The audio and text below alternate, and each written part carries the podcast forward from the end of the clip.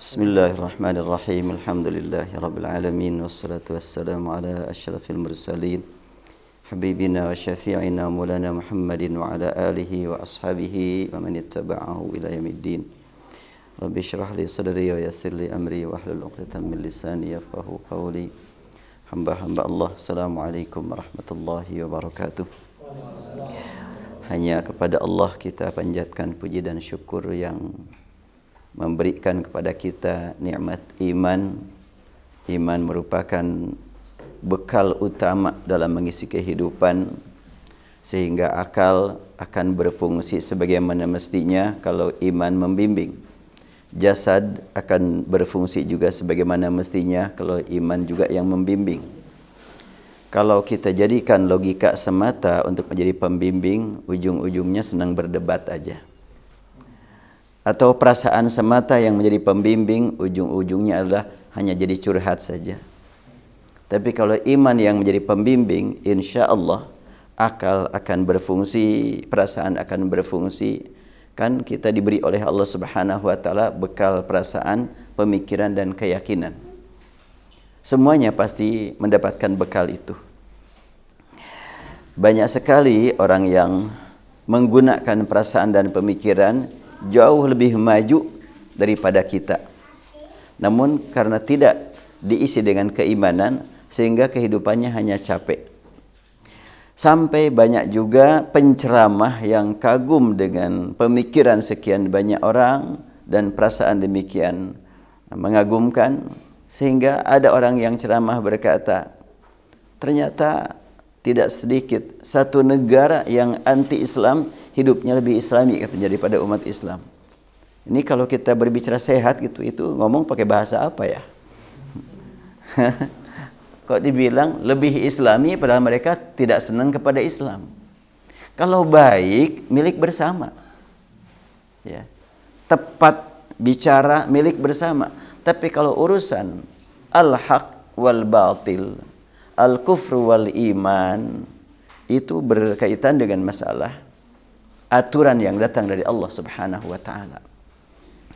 Maka kalau pembahasan kita saat ini adalah penyakit-penyakit kolbu atau penyakit-penyakit hati, mungkin kalau mau diartikan hati kolbu, ya bisa kita bicarakan tentang apa yang dikatakan Al-Quran. Tapi kalau hati bahasa lain saya nggak ngerti juga. Apa sih artinya hati itu? Apakah hati itu yang sering mengangkat masalah di kaum wanita? Pokoknya urusan hati lain kan gitu. Kadang-kadang orang nyebut hati kan ke sini kadang-kadang ke sini kadang-kadang juga ke bawah. Nggak tuh yang mana lah yang benar. Tapi kalau pokoknya mau dihubungkan dengan hat yang gimana yang hat itu? Ya kalau Al-Quran berbicara tentang kolbu itu sama sekali tidak dikaitkan dengan urusan fisik saya tidak menemukan dalam Al-Quran pembahasan kolbu berkaitan dengan fisik. Tapi lebih kepada fungsi. Dari mulai pertama kita temukan di awal Al-Baqarah. Khatamallahu ala qulubihim. Wa ala sam'ihim. Wa ala abasarihim. Kalimat qulub itu bukan berhubungan dengan masalah fisik. Sebagaimana sam'i, pendengaran, absar, penglihatan. Dalam bahasa Quran, penglihatan itu ada penglihatan ilmu, penglihatan keyakinan, penglihatan perasaan. Beda bahasa Quran itu. Ada absar, ada anzar, ada ru'ya. Kalau alam taro kaifa fa'al rabbuk bi ashabil fil, itu penglihatan keilmuan. Tapi kalau wa'ala absarim ghisyawah, itu penglihatan berkaitan dengan masalah keyakinan. Tapi kalau afala yang zuruna ilal ibil kaifa khuliqat penglihatan dengan mata. Nah, ketika kita terjemahkan bahasa Quran, mau menggunakan kalimat apa supaya beda gitu. Apa makna absar, apa makna anzar dan apa makna aro supaya dibedakan. Susah. Sempit bahasa Indonesia nih. Ya tugas antum di sini. Nanti untuk menggali bahasa yang pas gitu. Makanya ketika berbicara tentang Al-Quran dan terjemah, Bolehlah terjemah berbeda-beda nggak masalah. Yang penting Qurannya sama. Dan apabila kita bicara Al-Quran, makanya ini judulnya juga Mukjizat Huruf Al-Quran dan Tafsir Qiraat. Ini bukan baru surat Al-Baqarahnya, baru 50 ayat Al-Baqarah. Tambah dengan Al-Fatihah 7 ayat. Jadi belum nyampe 60 ayat yang dibahas ini. Ya, waktu mau dilanjutkan oleh Allah saya diberi ditanamkan kesadaran bahwa hidup ini Allah betul-betul harus segera dimanfaatkan sebaik mungkin karena Allah Maha tahu saya harus sadar kurang mampu memanfaatkan usia sehingga sebahagian kesehatan saya dicabut waktu itu jatuh sakit tergeletak di rumah sakit selama dua minggu tidak boleh mengangkat kepala paling tinggi kecuali hanya 20 derajat terlentang terus Kenapa? Ada pecah di sini pembuluh darah. Dan banyak orang yang nanya, emang hipertensi enggak? Kolesterol enggak? Terus kenapa? Ya udah itu adalah karunia dari Allah supaya saya sadar terus. Jadi kalau sekarang setelahnya kejadian itu lebih sering ingat mati. Dan ingat mati itu adalah diperintahkan oleh Rasul. Aktsiru min dzikri ladzat. Dan salah satu cara untuk mengobati penyakit hati adalah ingat mati. Ingat mati insya Allah. Tapi ingat mati dalam artian ingat mati untuk persiapan menghadapi sesudah mati.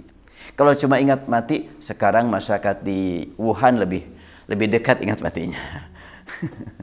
Bahkan mereka sudah merasakan sudah semakin dekatlah mati dengan virus corona itu kan. Tapi apalah artinya ingat mati kalau memang bukan untuk dipersiapkan demi menghadapi kehidupan sesudah mati. Kembali kepada tema yaitu penyakit-penyakit hati. Yang dimaksud di sini adalah bukan hati secara fisik, tapi hati non fisik. Kalau hati secara fisik ada yang mengartikan jantung, ada paru-paru, ada ah, terserahlah. Yang paling penting adalah kalbu dalam Al-Quran itu ditemukan ayat-ayat yang berbicara tentang kalbu secara umum ayat-ayat madaniyah. Sedangkan ayat-ayat yang makiyah itu banyak menggunakan sudur dan afidah. Ada fuad, ada sadrun, ada kalbu. Itu saja sudah merupakan bahan untuk kita kaji bersama. Sebagian ulama mengartikan semua manusia punya sadrun, inilah sadr di dalam sadar ada fuad, di dalam fuad ada kalbu dan manusia berakal dengan kalbu. Kalau mau berakal yang produktif. Makanya surat Al-Hajj menyebutkan afalam yasiru fil ardi fatakuna lahum qulubun yaqiluna biha. Tidakkah mereka lakukan perjalanan di muka bumi? Alhamdulillah sekarang sampai saya di Manchester ini. Ini atas perintah Allah. Afalam yasiru fil ardi Tidakkah mereka melakukan perjalanan di muka bumi? Fatakun lahum qulubun ya'qiluna biha. Sehingga dengan melakukan perjalanan di muka bumi, maka kolbu-kolbu akan mereka gunakan untuk berakal. Jadi berakal yang benar itu menggunakan kolbu. Apabila memang kolbunya tidak berfungsi, berarti memang sakit. Tidak berfungsi meluruskan pemikiran, tidak berfungsi meluruskan perasaan, berarti kalbunya sedang sakit. Sebagaimana pokoknya tangan bisa digunakan untuk mengangkat barang untuk bila tidak kenapa tangannya lagi sakit? Atau pemainnya kaki kenapa enggak jalan? Lagi sakit. Berarti tidak sesuai dengan fungsinya sedang sakit. Itu secara fisik demikian. Demikian pula halnya dengan non fisik yaitu kalbu dan pada dasarnya seluruh jasad dalam diri kita atau seluruh diri kita itu kan bisa kita pandang terdiri dari tuj, eh, dari lima unsur. Ruh, jasad, kalbu, akal, nafsu. Yang akan kita bahas saat ini satu dari lima. Itu pun cuma penyakitnya aja. Itu pun penyakit yang tidak kelihatannya saja. Semakin dipersempit ya. Ya kan begitu kan kalau orang-orang yang sedang nulis dokter kan gitu harus harus di, lebih lebih jurus lagi, lebih lebih fokus lagi kan gitu. Nah, Kalbu ini kalau kita perhatikan di dalam Al-Quran, penentu kehidupan kita itulah berada dalam kalbu. Orang akan bisa memanfaatkan hidupnya kalau kalbunya sesuai dengan fungsinya digunakan dalam hal berpikir, berperasaan, bergerak kalbu yang menentukan. Sehingga kalau disebut-sebut tadi ada negara yang sangat maju tapi anti Islam. Kehidupannya seder apa kehidupannya sejahtera, disiplin, bersih, harmonis. Maka dikatakan lebih islami daripada umat Islam. Nanti dulu jangan disebut lebih islami dong. Tapi lebih bersih, ya silahkan. Karena kebersihan milik bersama. Kerukunan milik bersama. Kerapian milik bersama. Tapi apalah artinya? Rukun, damai, bersih, disiplin. Kalau kolbunya tidak difungsikan sebagaimana mestinya.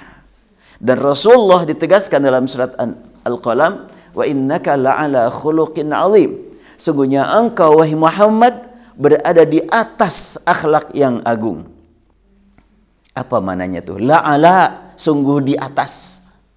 Bukan cuma berebut di pekerti yang agung, bukan, tidak cukup. Walaupun terjemahan Departemen Agama seperti itu.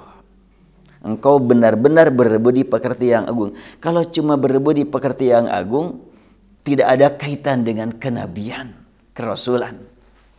Sebab banyak orang yang berebut pekerti yang agung dan anti tauhid, anti akidah.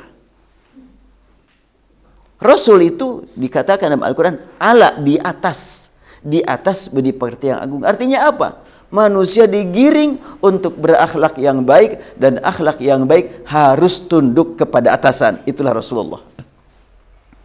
Jadi Rasul itu atasannya akhlak yang baik. Makanya sangat penting bagi kita berbicara tentang masalah penyakit hati ini, penyakit yang paling berat bukan masalah suka iri, suka dengki, suka ngomongin orang lain, itu adalah dampak itu. Penyakit yang paling berat adalah masalah akidah. Yang merusak amal baik. Yang merusak keikhlasan. Yang merusak kerendahan diri. Kerendahan hati. Kesantunan, kesopanan. Itu masalah akidah sebetulnya. Oleh karena itu, Rasul dikatakan sebagai pemimpin akhlak yang agung. Pada waktu itu banyak orang yang akhlaknya baik. Kurang apa baiknya Abu Talib? Abu Talib oh sampai pasang badan menjaga jasad Nabi Muhammad dari serangan kafir Quraisy. Di malam hari Abu Talib membangunkan Nabi Muhammad. Dipanggil langsung ketuk pintu, ada apa pamanku? Pindah kamu tidurnya. Kenapa? Itu di luar sudah banyak sekali yang ingin berbuat jahat kepada kamu. Pindah di rumah paman, di kamar paman tidurnya. Berarti Abu Talib pasang badan untuk menjaga keselamatan jasad keponakannya. Tapi apakah bernilai di hadapan Allah? Bukan berdasarkan akidah, tapi komunikasi emosional semata. Komunikasi emosionalnya ada, komunikasi intelektualnya ada, tapi spiritualnya yang berbeda. Karena itu Rasulullah SAW ketika melihat Abu Talib menjelang sakaratul maut. Beliau merasakan prihatin berat sekali ditinggal pamannya. Bukan berat karena melihat fisiknya tapi berat dia pergi menghadap kepada Allah. Masih sakit kalbunya. Kenapa sakit kalbunya? Karena belum mau mengatakan kalimat tauhid. Itu penyakit yang paling berat itu penyakit yang paling mengganggu semua aktivitas adalah masalah ketauhidan. Maka kalau ketauhidannya sudah beres terkait dengan sekarang tersebar wabah di salah satu negara yang dikenal sebagai negara yang paling besar. Di sana ada orang yang bertauhid tenang-tenang saja mati emang akan mati. Tidak terkena virus juga. Apa sih yang membuat kita takut? Iya takut aja. Bagus takut tidak salah. Tapi takut itu bekal dari Allah untuk supaya diarahkan. Guna supaya tertanam rasa takut kepada sumbernya ketakutan. Takut kepada manusia yang ditakuti nggak bisa berbuat apa-apa. Tapi kalau takut kepada Allah Subhanahu wa taala, itulah yang berfungsi sebagaimana mestinya rasa takut kita. Jadi itu yang paling utama penyakit kalbu masalah akidah, masalah ketauhidan. Oleh karena itu Nabi Ibrahim alaihissalam dalam membangun rumah tangga. Nih karena saya lihat ini masih rumah tangga muda-muda nih. Kalau saya sudah melewati usia wafatnya Rasul. Rasul kan wafat pada usia 63 tahun ya, Hijriah ya. Saya sekarang hijrahnya sudah 64. Jadi sudah lewat Rasul. Gak tahu nih yang hadir di sini nih. Pada tahu nggak kelahiran hijriahnya nih? Hafal nggak kelahiran hijriahnya nih? Kalau kelahiran masainya pasti hafal lah semuanya.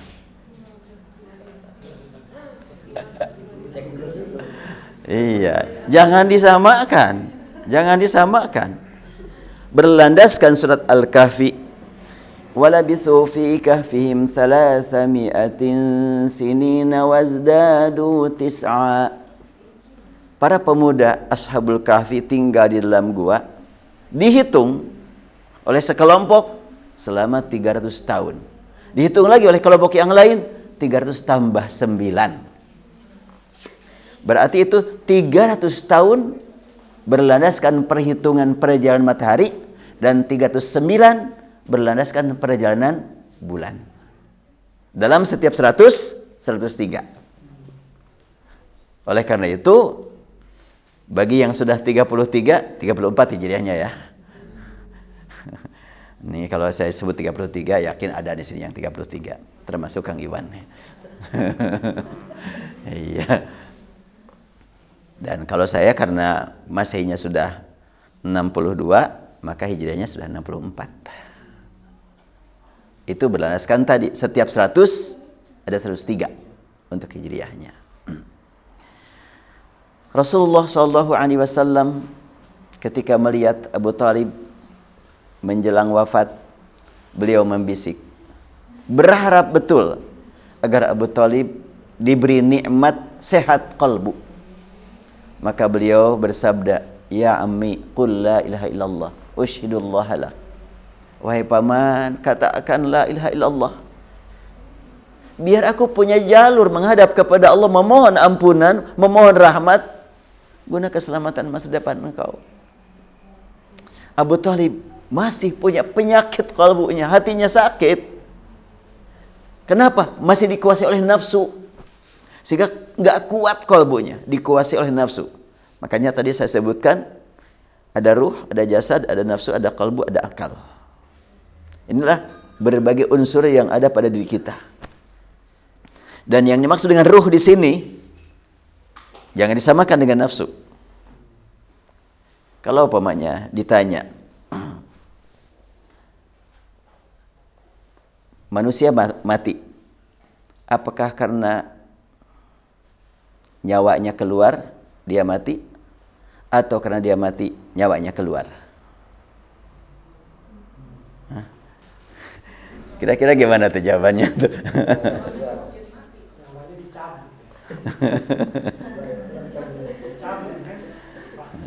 Baik, itu satu pertanyaan. Pertanyaan kedua.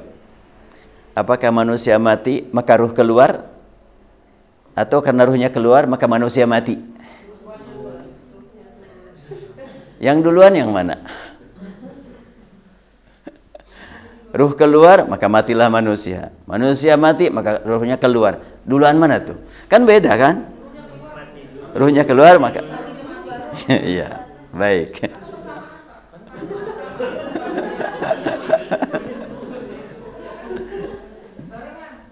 Barengan ya. ya, kalau bicara nas, ada jawaban dari Al-Quran. Kullu nafsin dha'iqatul maut. Setiap nafsu pasti akan merasakan kematian. Enggak ada kullu ruhin dha'iqatul maut. Kalau nafsu mati, kalau ruh nggak mati. Itu Al-Quran berbicara seperti itu. Makanya kalau muncul lagi pertanyaan yang tadi kita kira jawabannya gimana tuh? Apakah ruh keluar maka manusia mati atau manusia mati maka ruhnya keluar? Jelas kan berbeda kan? Ruh dulu atau mati dulu? Jawabannya cukup dengan Al-Quran saja. Yas'alunaka anir ruh qul ruh min amri rabbi. Mereka bertanya kepada engkau tentang ruh, jawaban, ah itu mah urusan Rabbku, bukan urusan aku. kalau urusan jasad, jelas kita baca, kita lihat. Tapi kalau ruh, enggak kita lihat. Sudah urusan Allah subhanahu wa ta'ala. Nah, yang disebut dengan tadi hati, hati itu masuknya ke mana? Apakah kolbu? Secara kolbu secara fisik, jantung atau apa? Wallahu alam. Sebab Al-Quran itu tidak bicara fisik. Tapi Al-Quran berbicara tentang masalah hati atau kolbu lebih kepada fungsi. ثم قست قلوبكم من بعد ذلك فهي كالحجارة manusia yang menentang ajaran Allah mengeras kolbunya, mengkristal kolbunya. Lahiyatan qulubuhum kalbu kalbu mereka main-main. Khatamallahu ala qulubihim. Allah menutup ke atas kalbu-kalbu mereka. Kalau kita sepakati yang dimaksudin hati adalah kalbu ya. Kemudian di dalam surat Ar-Ra'd Ala bi dzikrillahi tatma'innul qulub. Ingat maka dengan zikir mengingat Allah kalbu akan meraih ketentraman. Ingat kepada Allah. Walamma yadkhulul imanu fi qulubikum. Iman belum masuk ke dalam kalbu-kalbu mereka. Dan Rasul bersabda, "At-taqwa hahuna." Takwa di sini. Menuju kepada jantung. Nah, ketika kita memperhatikan satu ayat saja dari surat Ar-Ra'd. Ala bidzikrillah tatmainnul qulub ingat kepada Allah akan mengantarkan kita untuk supaya meraih nikmat ketentraman kalbu. Tentram kalbu bukan tidak punya masalah. Tentram kalbu bukan tidak pernah sedih. Tentram kalbu bukan tidak pernah gelisah. Sebab sedih, gelisah, tenang itu semua manusia bisa mengalami. Hanya bedanya kalau orang yang zikir mengingat Allah gelisahnya, tentramnya, bimbangnya bernilai ibadah. Sedangkan yang tidak memiliki nikmat zikir kepada Allah, bimbangnya, gelisahnya, termasuk bahagianya tidak bernilai ibadah. Itu saja perbedaannya. Nah, bagaimana supaya kehidupan kita sehari-hari itu bernilai ibadah? Jadi kalau pamannya ibu-ibu menggendong anak tiba-tiba sakit anaknya, yang satu mengingat Allah, yang satu tidak. Yang tidak mengingat Allah harus segera saya bawa ke dokter ahli anak. Dibawa di jalan bimbang, gelisah. Aduh, takut nggak keburu nih. Sampai nyampe di depan dokter, kemudian diobati dan sampai sembuh muncul kalimat kalau nggak dibawa ke dokter ini udah mati anakku. Udah sembuh sekarang? Ya, sembuh. Kata orang yang beriman, Ketika sakit, ya Allah, ini titipan dari engkau. Akan kubawa ke dokter sebagai bukti bahwa aku ingin melaksanakan perintah engkau. Tadawau fa dawaan. Berobatlah karena setiap penyakit ada obatnya. Bukan setiap penyakit ada sehatnya ya. Nih, harus hati-hati ini. Bukan setiap penyakit ada sembuhnya. Setiap penyakit ada obatnya maka akan saya bawa anak ini ke dokter untuk mendapatkan obat dari ahlinya. Setibanya di dokter, diobati, ya Allah, sudah kubawa anakku ke dokter. Aku mohon kau sembuhkan anakku. Mengobati anak, nilai ibadah. Berjalan pakai ongkos, nilai ibadah. Beli obat, bernilai ibadah. Sama, bimbang gelisah dengan anak itu. Tapi yang satu, tidak ingat Allah, yang satu ingat Allah. Setelahnya pulang, langsung diobati, sembuh. Alhamdulillah engkau sembuhkan anakku setelahnya aku bawa anakku ke dokter. Beres kan? Sama-sama sehat nih. Apabila sama-sama tidak sehat, gimana? Ketika yang tidak beriman kepada Allah, aduh udah dibawa ke dokter nggak sembuh-sembuh juga. Dokter mana lagi nih? Habis dia betul-betul meyakini dokter yang akan menyembuhkan. Ketika sudah beberapa dokter, malah dia marah-marah ke dokter. Ini udah habis uang sekian, gak sembuh-sembuh juga. Tapi kalau bagi yang memang beriman pada Allah, pas sudah satu dokter belum sembuh, ya Allah, aku tidak akan putus asa. Untuk melaksanakan perintahmu, akan kebawa lagi ke dokter yang lain. Terus berniat ibadah, terus niat melaksanakan perintah Allah. Pas sudah beberapa kali belum juga sembuh, ini ada salah seorang hamba Allah yang konsultasi kepada Syekh Said Hawa. Ini sudah lama ya, sudah wafat beliaunya juga. Jadi seorang hamba Allah punya penyakit yang cukup berat sampai dia datang ke dokter yang soleh berkali-kali belum juga ada pengaruhnya. Jadi harus bagaimana dokter? Kata dokter, sekarang oleh ka, kamu datangi dokter Fulan. Datangi dokter. Ke sana belum juga sampai dokter yang tujuh dokter. Setelahnya tujuh dokter belum juga memberikan harapan, maka akhirnya datang lagi ke dokter awal. Dokter, saya mau balik lagi ke sini. Kata dokter yang pertama, oh kalau begitu masih satu lagi katanya. Siapa?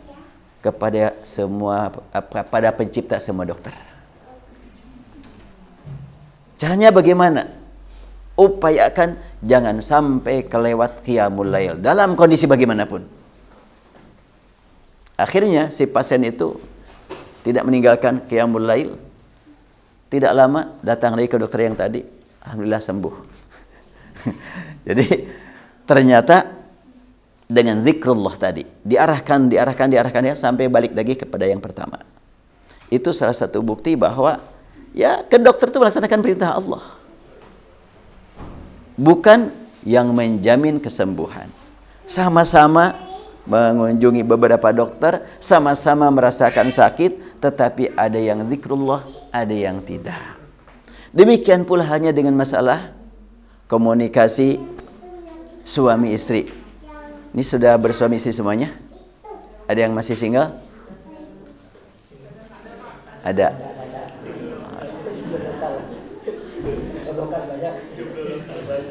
Gak apa-apa, yang masih single membayangkan aja dulu deh. Kan Allah mempertemukan dua jenis manusia yang masing-masing punya bawaan yang berbeda. Terkadang ya sama-sama sedang kuliahnya, yang boleh jadi mungkin salah satunya kuliah, salah satunya enggak. Bagaimanapun ketika banyak sekali aktivitas, setan akan berjuang untuk mengganggu yang tidak punya aktivitas. Akan banyak gangguan. Ini sudah mulai mengena nih kelihatannya. iya. Bisikan-bisikan itu banyak. Tapi ketika memang zikrullah terpelihara, maka apabila muncul bisikan, segera menghadap kepada Allah. Dan sekarang melalui alat komunikasi bisa mengirimkan pesan. Umpamanya kan, seorang istri di rumah, suaminya sedang di luar aktivitas, bahkan mungkin sedang jauh, langsung ngirim pesan melalui jalur pusat Semoga Allah berikan kepada abang nikmat zikir. Umpamanya kan gitu. Ketika ada berbagai hal di luar, ada pesan seperti ini, aduh, saya harus mengingat Allah terus nih. Insya Allah, buat kedua belah pihak Allah yang akan mempertemukan. Tapi kalau umpamanya tidak mengingat Allah, muncul dugaan-dugaan dan akan dikembangkan dugaan tersebut oleh syaitan. Wah ke mana dulu nih suamiku nih. Jangan-jangan, nah, kalimat jangan-jangan itu diperpanjang nantinya. Itu. Ke mana, ke mana, ke mana. Padahal aku di rumah udah capek, udah ngurus anak, udah ini, udah itu. Nah, nanti kalau dia datang, rasain deh. Seorang suami sudah berpikir mendalam banyak masalah. Saya ingin nyampe di rumah, istri saya menyediakan ini ini. Dua-duanya sekarang ingin ada hal yang memang luar biasa. Ternyata tidak tercapai, muncul masalah semakin besar. Tapi bagaimana kalau sekiranya seorang suami yang sudah di luar begitu lama karena istri juga capek di rumah dan kesel nunggu saya saya tidak begitu berharap untuk diberikan pelayanan yang normal apalagi yang lebih saya harus sekarang berjuang karena capek saya juga di rumah ketika istri membaca kehidupan suami yang jauh berpikir dia capek saya harus memfasilitasi, memfasilitasi dia atau melayani dia melebihi daripada kebiasaan. Suami siap untuk tidak dilayani sebagaimana normal, apalagi lebih. Ternyata istri menyiapkan pelayanan yang lebih, yang hebat. Di situlah akib, apa manfaatnya zikir. Sama-sama bersari kepada Allah. Saya harus melayani dia lebih baik.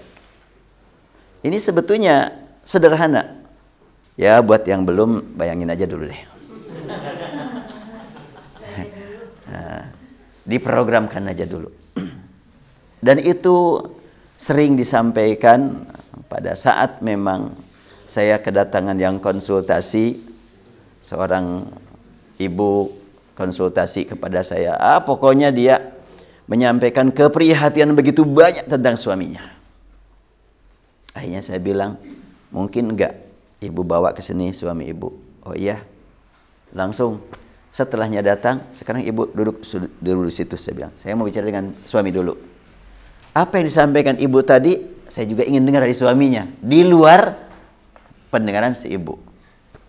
Oh, ternyata memang ada yang samanya, ada yang bedanya. Pas sudah selesai, sekarang silakan panggil saya bilang, istri kamu, udah. Sekarang sampaikan oleh bapak yang Bapak sampaikan kepada saya tadi di depan istri. Ibu juga sampaikan oleh ibu yang ibu sampaikan kemarin di depan suami. Mulai kan di situ. Sekarang apa adanya sampaikan. Setelahnya didengar baru tahu oh kesalahan saya di sini, kesalahan saya di sini, kesalahan di sini. Nah, sekarang sudah Allah pertemukan. Yuk kita kembali kepada pemilik perasaan. Allah yang memiliki perasaan kita. Pemilik pemikiran Allah pemiliknya pemilik keyakinan Allah pemiliknya, yuk kita komunikasikan dengan Allah Subhanahu wa taala. Akhirnya setelah itu baru mulai ada yang beredang air mata, ada yang tersenyum, langsung di depan saya langsung sama-sama minta maaf dua-duanya. ya, pada dasarnya memang kalau sudah disadarkan bahwa kita itu Allah tidak memiliki apa-apa. Kita adalah milik Allah. Perasaan, keyakinan, kemudian pemikiran milik Allah. Banyak sekali hal-hal yang memang tidak terjangkau oleh akal, tapi dengan keimanan bisa tercapai. Oleh karena itu maka penyakit hati ini akan mudah diatasi kalau ingat kepada mati tadi. Ingat kepada mati itu adalah merupakan obat yang paling mujarab hmm, untuk mengobati penyakit hati ini. Ingat kepada mati. Maksudnya ingat kepada mati bagaimana? Bukan ingat kepada mati, aku akan mati. Nggak cukup tapi ingat kepada mati sesudah mati apa yang akan kita miliki nanti di akhirat itu yang paling utama sehingga sehebat bagaimanapun program kita sekarang sudah disusun untuk di dunia ah kita nggak nggak punya jaminan akan nyampe. Yuk kita jadikan semua program sekarang itulah untuk mendapatkan hasil di akhirat nanti. Bila tercapai di dunia itu berarti bekal untuk melanjutkan amal. Bila tidak tercapai, jangan sampai dipandang gagal kehidupan kita. Jadi kalau dalam kehidupan umat Islam itu ada niat, ada hikmat, ada sasaran, ada tujuan. Kira-kira begitu aja deh. Niat karena Allah. Hikmat mungkin tercapai, mungkin tidak. Sasaran itu yang kita kejar. Dan tujuan jangan sampai lepas bila sasaran tidak tercapai. Ya pemanya ikhwan akhwat di sini yang sedang uh, program S3 dijamin akan nyampe? Gak ada jaminan kan? Nah, apa yang harus kita lakukan? Kalau tidak ada jaminan usia kita nyampe, tujuan jangan sampai lepas. Tujuan melaksanakan perintah Allah. Tujuan ingin mendapatkan ridha Allah. Terserah usia saya nyampe apa enggak hingga sidang ataupun kalaupun enggak saya berarti kalau mati sedang mencari ilmu mudah-mudahan matinya mati syahid. Saya masih ingat pesan ayah saya almarhum. Beliau sederhana pesannya itu. Tinggal di kampung. Dalam bahasa umumnya, ayah sangat berharap semua anak ayah jangan sampai dijemput ajal kecuali sedang mencari ilmu atau sedang mengajarkan ilmu karena Allah. Itu aja pesan dia. Mencari ilmu atau mengajarkan ilmu. Sederhana sekali. Tapi setelahnya dipikirkan, oh, Luar biasa nasihat sederhana itu. Sehingga jangan sampai berhenti kalau tidak mencari ilmu, mengajarkan ilmu. Dan orang banyak mencari ilmu untuk cari duit. Orang yang zikrullah cari duit untuk menjadi orang yang bermanfaat bagi kepentingan orang lain dengan mengembangkan ilmu. Jadi kita dapat uang bekal untuk beramal. Bukan kita beramal untuk dapat uang. Kan? Ada orang yang bekerja untuk cari uang, ada orang yang dapat uang bekal bekerja. Beda. Walaupun prakteknya akan jauh berbeda. Tapi sangat berpengaruh bagi isi hatinya. Saya sering menekankan kepada orang-orang yang sedang bekerja di lembaga yang saya dirikan. Apabila saya bilang kalian bekerja di sini untuk mencari gaji rugi. Gak cukup-cukup. Berapapun gak akan cukup. Sebab kalau kita punya uang 50 juta keperluannya 100. Punya uang 100 keperluannya 500 terus saja naik. Gak pernah selesai-selesai. Tapi kalau ketika kita dapat uang, oh saya punya bekal untuk beramal. Dapat uang, saya punya bekal untuk bekerja yang berguna buat kepentingan lain. Nikmat gitu. Kalimat ini sangat sederhana tapi mempraktekannya yang perlu persiapan, perlu bekal. Jadi kembali lagi bahwa penyakit kolbu atau penyakit hati obatnya dulu pertama adalah obatnya ingat mati untuk persiapan menghadapi kehidupan sesudah mati. Kenapa ingat mati? Karena kematian dijadwalkan oleh Allah tanpa sepengetahuan kita. Itu yang paling utama. Sehingga dengan ingat bahwa mati akan datang menjemput kita tanpa pemberitahuan terlebih dahulu. Aduh, jangan-jangan besok, jangan-jangan lusa, jangan-jangan. Makanya saya juga sekalian ini untuk diri saya memohon kepada yang hadir di sini Semoga saya melakukan perjalanan di sini diisi dengan zikrullah terus. Apabila mati menjemput saya sedang di perjalanan, pasti akan husnul khatimah. Enggak ditakuti kalau memang husnul khatimah. Yang ditakuti itu mati suul khatimah walaupun sedang di mahliga yang kokoh kuat. Kalau suul khatimah itu yang gagal kehidupan kita. Maka diupayakan selalu mengingat Allah, zikrullah.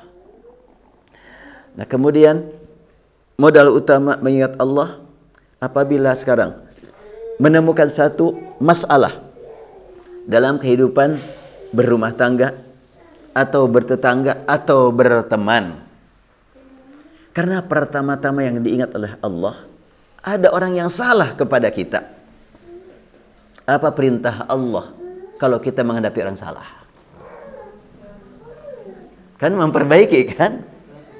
Nah, kalau langkah yang pertama memperbaiki, berarti kita tidak akan merespon dengan negatif. Ini salah. Oh, ini lapangan amal buat saya untuk saya perbaiki. Khudil afwa wa murbil urfi wa arid anil jahilin. Bekal dari Allah kepada Rasul menghadapi sekian banyak umat yang kerjaannya salah terus, apa yang mesti dilakukan? Khudil afwa. Kalimat khudil afwa beda dengan engkau hendaklah menjadi pemaaf lebih luas daripada sekedar pemaaf kalau khud al afwa. Khud itu ngambil. Ambil maaf dari mana? Dari Allah. Allah sebagai afun karim, yuk kita menjadi pemaaf. Memaafkannya adalah berladaskan niat karena Allah itu khud al afwa. Jadi tidak mungkin muncul, iya deh saya maafin tapi urusan sakit hati, urusan memori ya. ya, enggak begitu. Kita itu adalah diberi oleh Allah Subhanahu wa taala nikmat memaafkan. Yuk, maaf yang sebenarnya. Bebas gitu. Dan enak kalau kita menjadi pemaaf itu. Enggak tersiksa. Ketika ada orang yang pernah menyakiti kita, kesal kita ada di pertemuan, aduh ketemu dia paling sebel aku melihat dia. Sedangkan dia tenang-tenang aja, siapa yang menderita? Akibat tidak memberi maaf, kesal kita. Kita yang menderita, dia cuek-cuek aja. Tapi kalau memaafkan dengan total, pas lihat orang itu orang yang pika sebelen kata orang Bandungnya.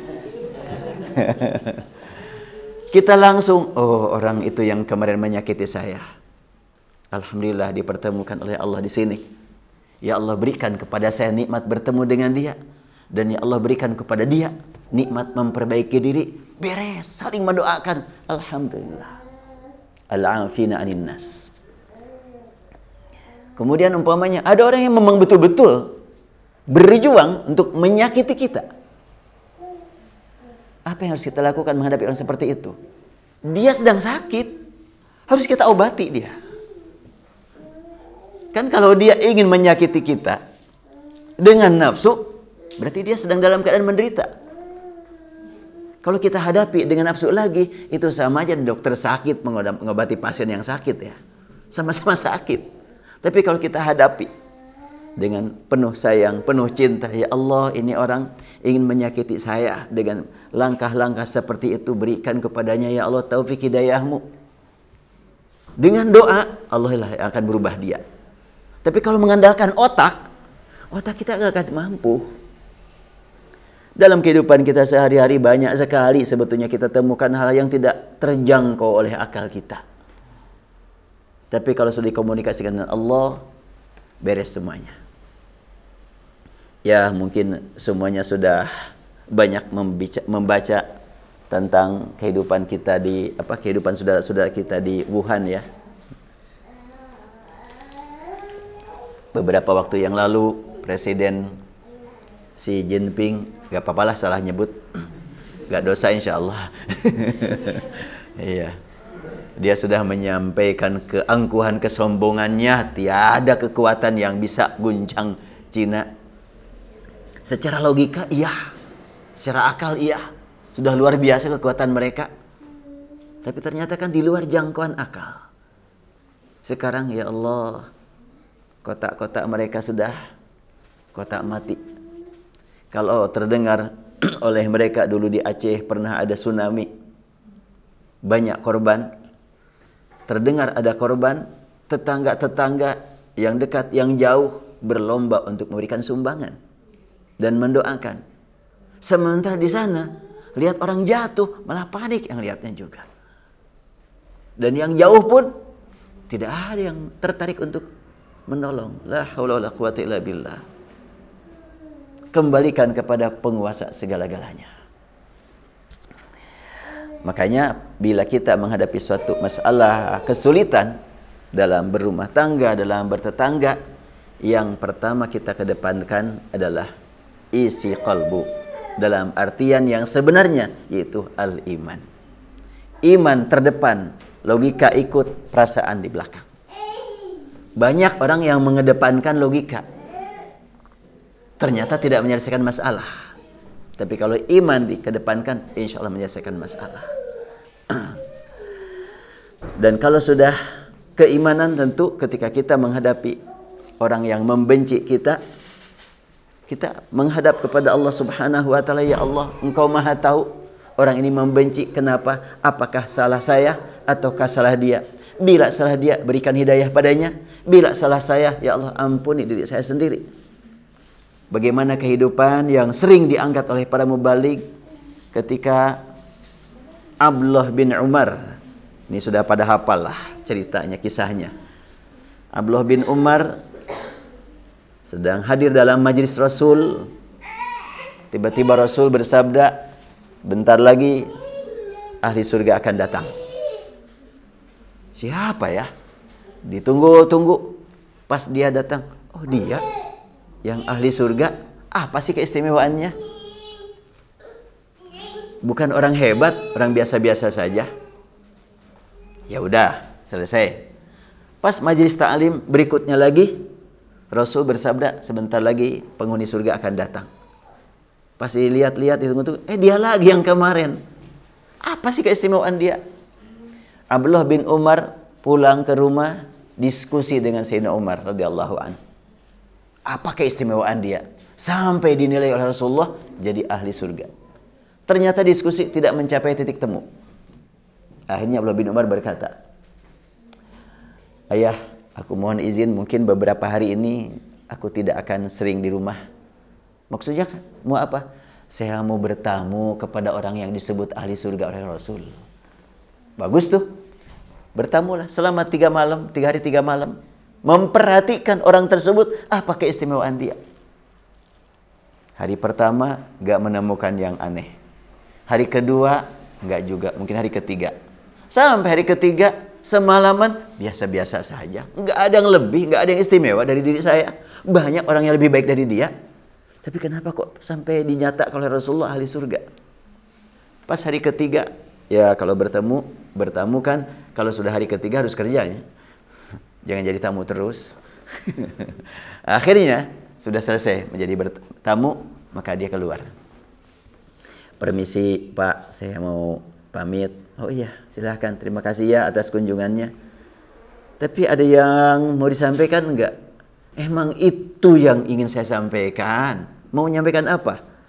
Enggak, saya itu selama tiga hari ini enggak menemukan sesuatu yang di luar dugaan, biasa-biasa. Emang beginilah kehidupanku. Tapi pasti ada yang engkau lakukan tanpa sepengetahuan aku. Ya biasa-biasa aja aku seperti ini. Tolong dong, kalau ada sampaikan kepadaku yang aku tidak tahu. Tapi engkau sudah biasa. Oh, baik, baik, baik. Ada. Iya deh, segera. Maka dia cerita. Saya setiap menjelang tidur suka melakukan evaluasi.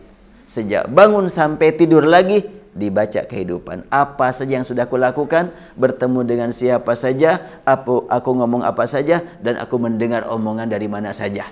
Ketika ada yang memang menyakitkan, ketika itu pula aku memohon kepada Allah, Ya Allah, ampuni dia yang sudah menyakiti aku, dan aku pasti, Ya Allah, akan berjuang untuk memaafkan dia.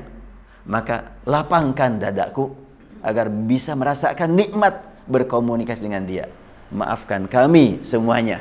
Beres.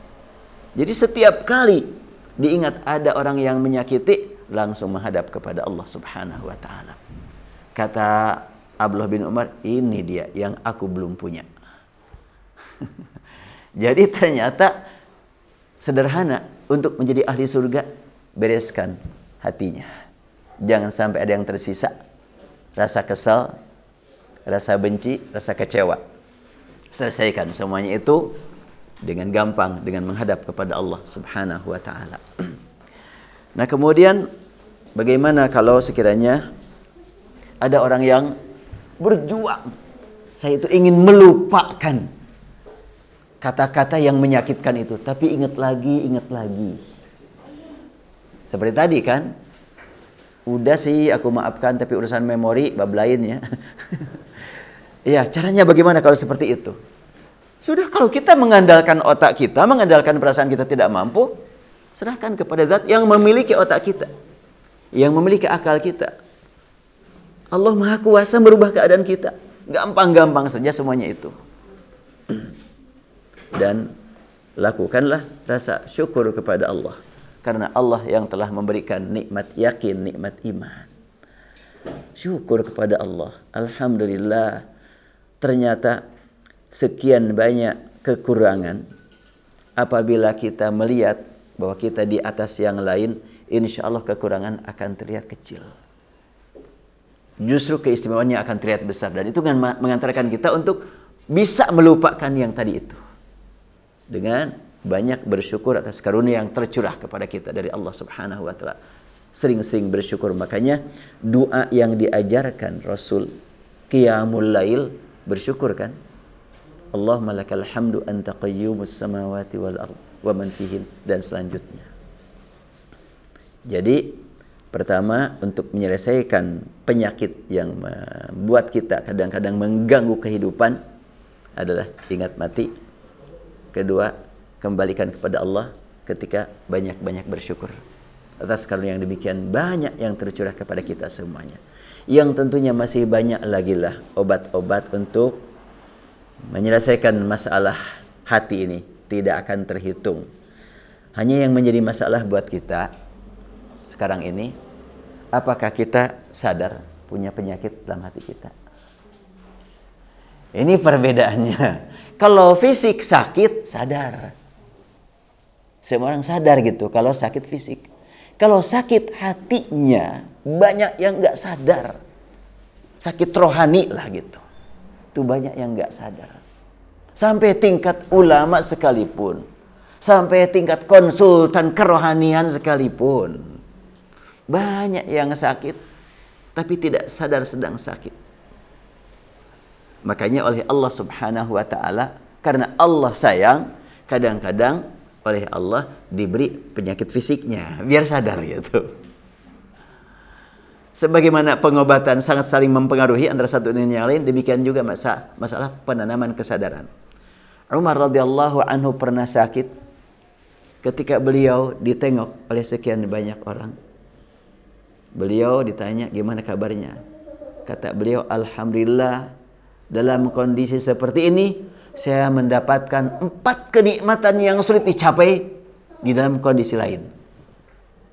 Apa itu empat kenikmatan? Pertama, saya merasakan nikmat bahwa yang aku derita penyakit fisik. Rohani pada saat fisiknya menderita, rohani semakin sehat. Karena semakin dekat dengan Allah. Kan kalau lagi sehat, muncul pikiran, muncul keinginan ke sana kemari. Kalau lagi sakit, ah, mau apa lagi kalau sudah sakit begini, banyak zikir saja. Berarti sakitnya fisik buat orang yang memang punya bekal iman akan menjadi obat buat penderitaan sakit rohani. Akan menjadi obat. Pertama, kedua, kata Umar bin Khattab, ya karena tadi kan aku ini menderita sakit fisik, rohani justru semakin sehat. Maka harus aku syukuri. Sehingga penyakit tersebut disyukuri. Sakit saja disyukuri. Habis kalau sehat terus, kadang-kadang nggak sadar itu. Kemudian kedua, aku dengan menderita penyakit seperti ini, aku termotivasi untuk banyak bersyukur karena aku membanding-bandingkan ada orang yang penyakitnya lebih berat dari aku. Aku harus bersyukur kepada Allah, membaca sekian banyak orang yang sakit. Dan ketiga,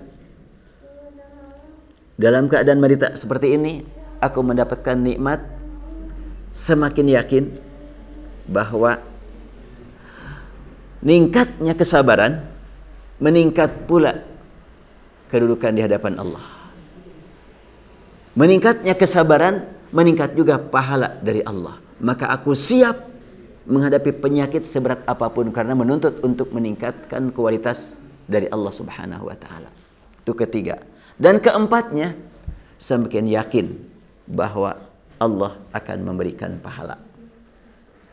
Empat kenikmatan pada saat diderita pada saat Umar bin Khattab menderita sakit fisik. Jadi kalau kita gak usahlah untuk mengobati rohani kita gak usah meminta kepada orang sakit ya. Tengok aja orang-orang yang sakit. Itu juga dapat mengantarkan kita untuk sadar. Makanya Rasul menegaskan I'adatul marid itu adalah merupakan hakul muslim al muslim. hak muslim kepada muslim adalah nengok orang sakit. Itu jelas sekali ada sitah, ada tiga, ada enam hak muslim yang harus dipenuhi. Antara lain adalah nengok orang sakit. Dan tentu yang paling penting bagi kita untuk supaya kita senantiasa mendapatkan nikmat sehat lahir dan batin adalah Al-Quran. Shifa'un lima fis sudur. Surat Yunus menyebutkan Ya ayuhan nas Qad ja'atkum ma'idhatum min rabbikum wa shifa'un lima fis sudur wa huda wa rahmatun lil, ala, lil, lil mu'minin Wahai manusia telah datang kepada kamu mau'izah dan syifa kesembuhan untuk penyakit-penyakit yang sangat tak terduga kalimatnya syifaun lima fis sudur wahudan warahmah lil mu'minin. Penyakit yang ada dalam dada. Kalau dada meliputi kalbu, meliputi fuad, meliputi akal. Kalimatnya lima fis sudur. Oleh karena itu maka kalau kita rajin menghayati Al-Quran, rajin menyempatkan kesempatan khusus untuk Al-Quran, menghususkan waktu untuk Al-Quran, yakin akan terobati berbagai penyakit kalbu kita, penyakit hati kita. Karena Al-Quran adalah syifaun lima fis sudur wahudan warahmatun lil mu'minin. Baik supaya ada masukan dari ikhwan dan akhwat materinya saya cukupkan dulu. Jazakumullah khairan.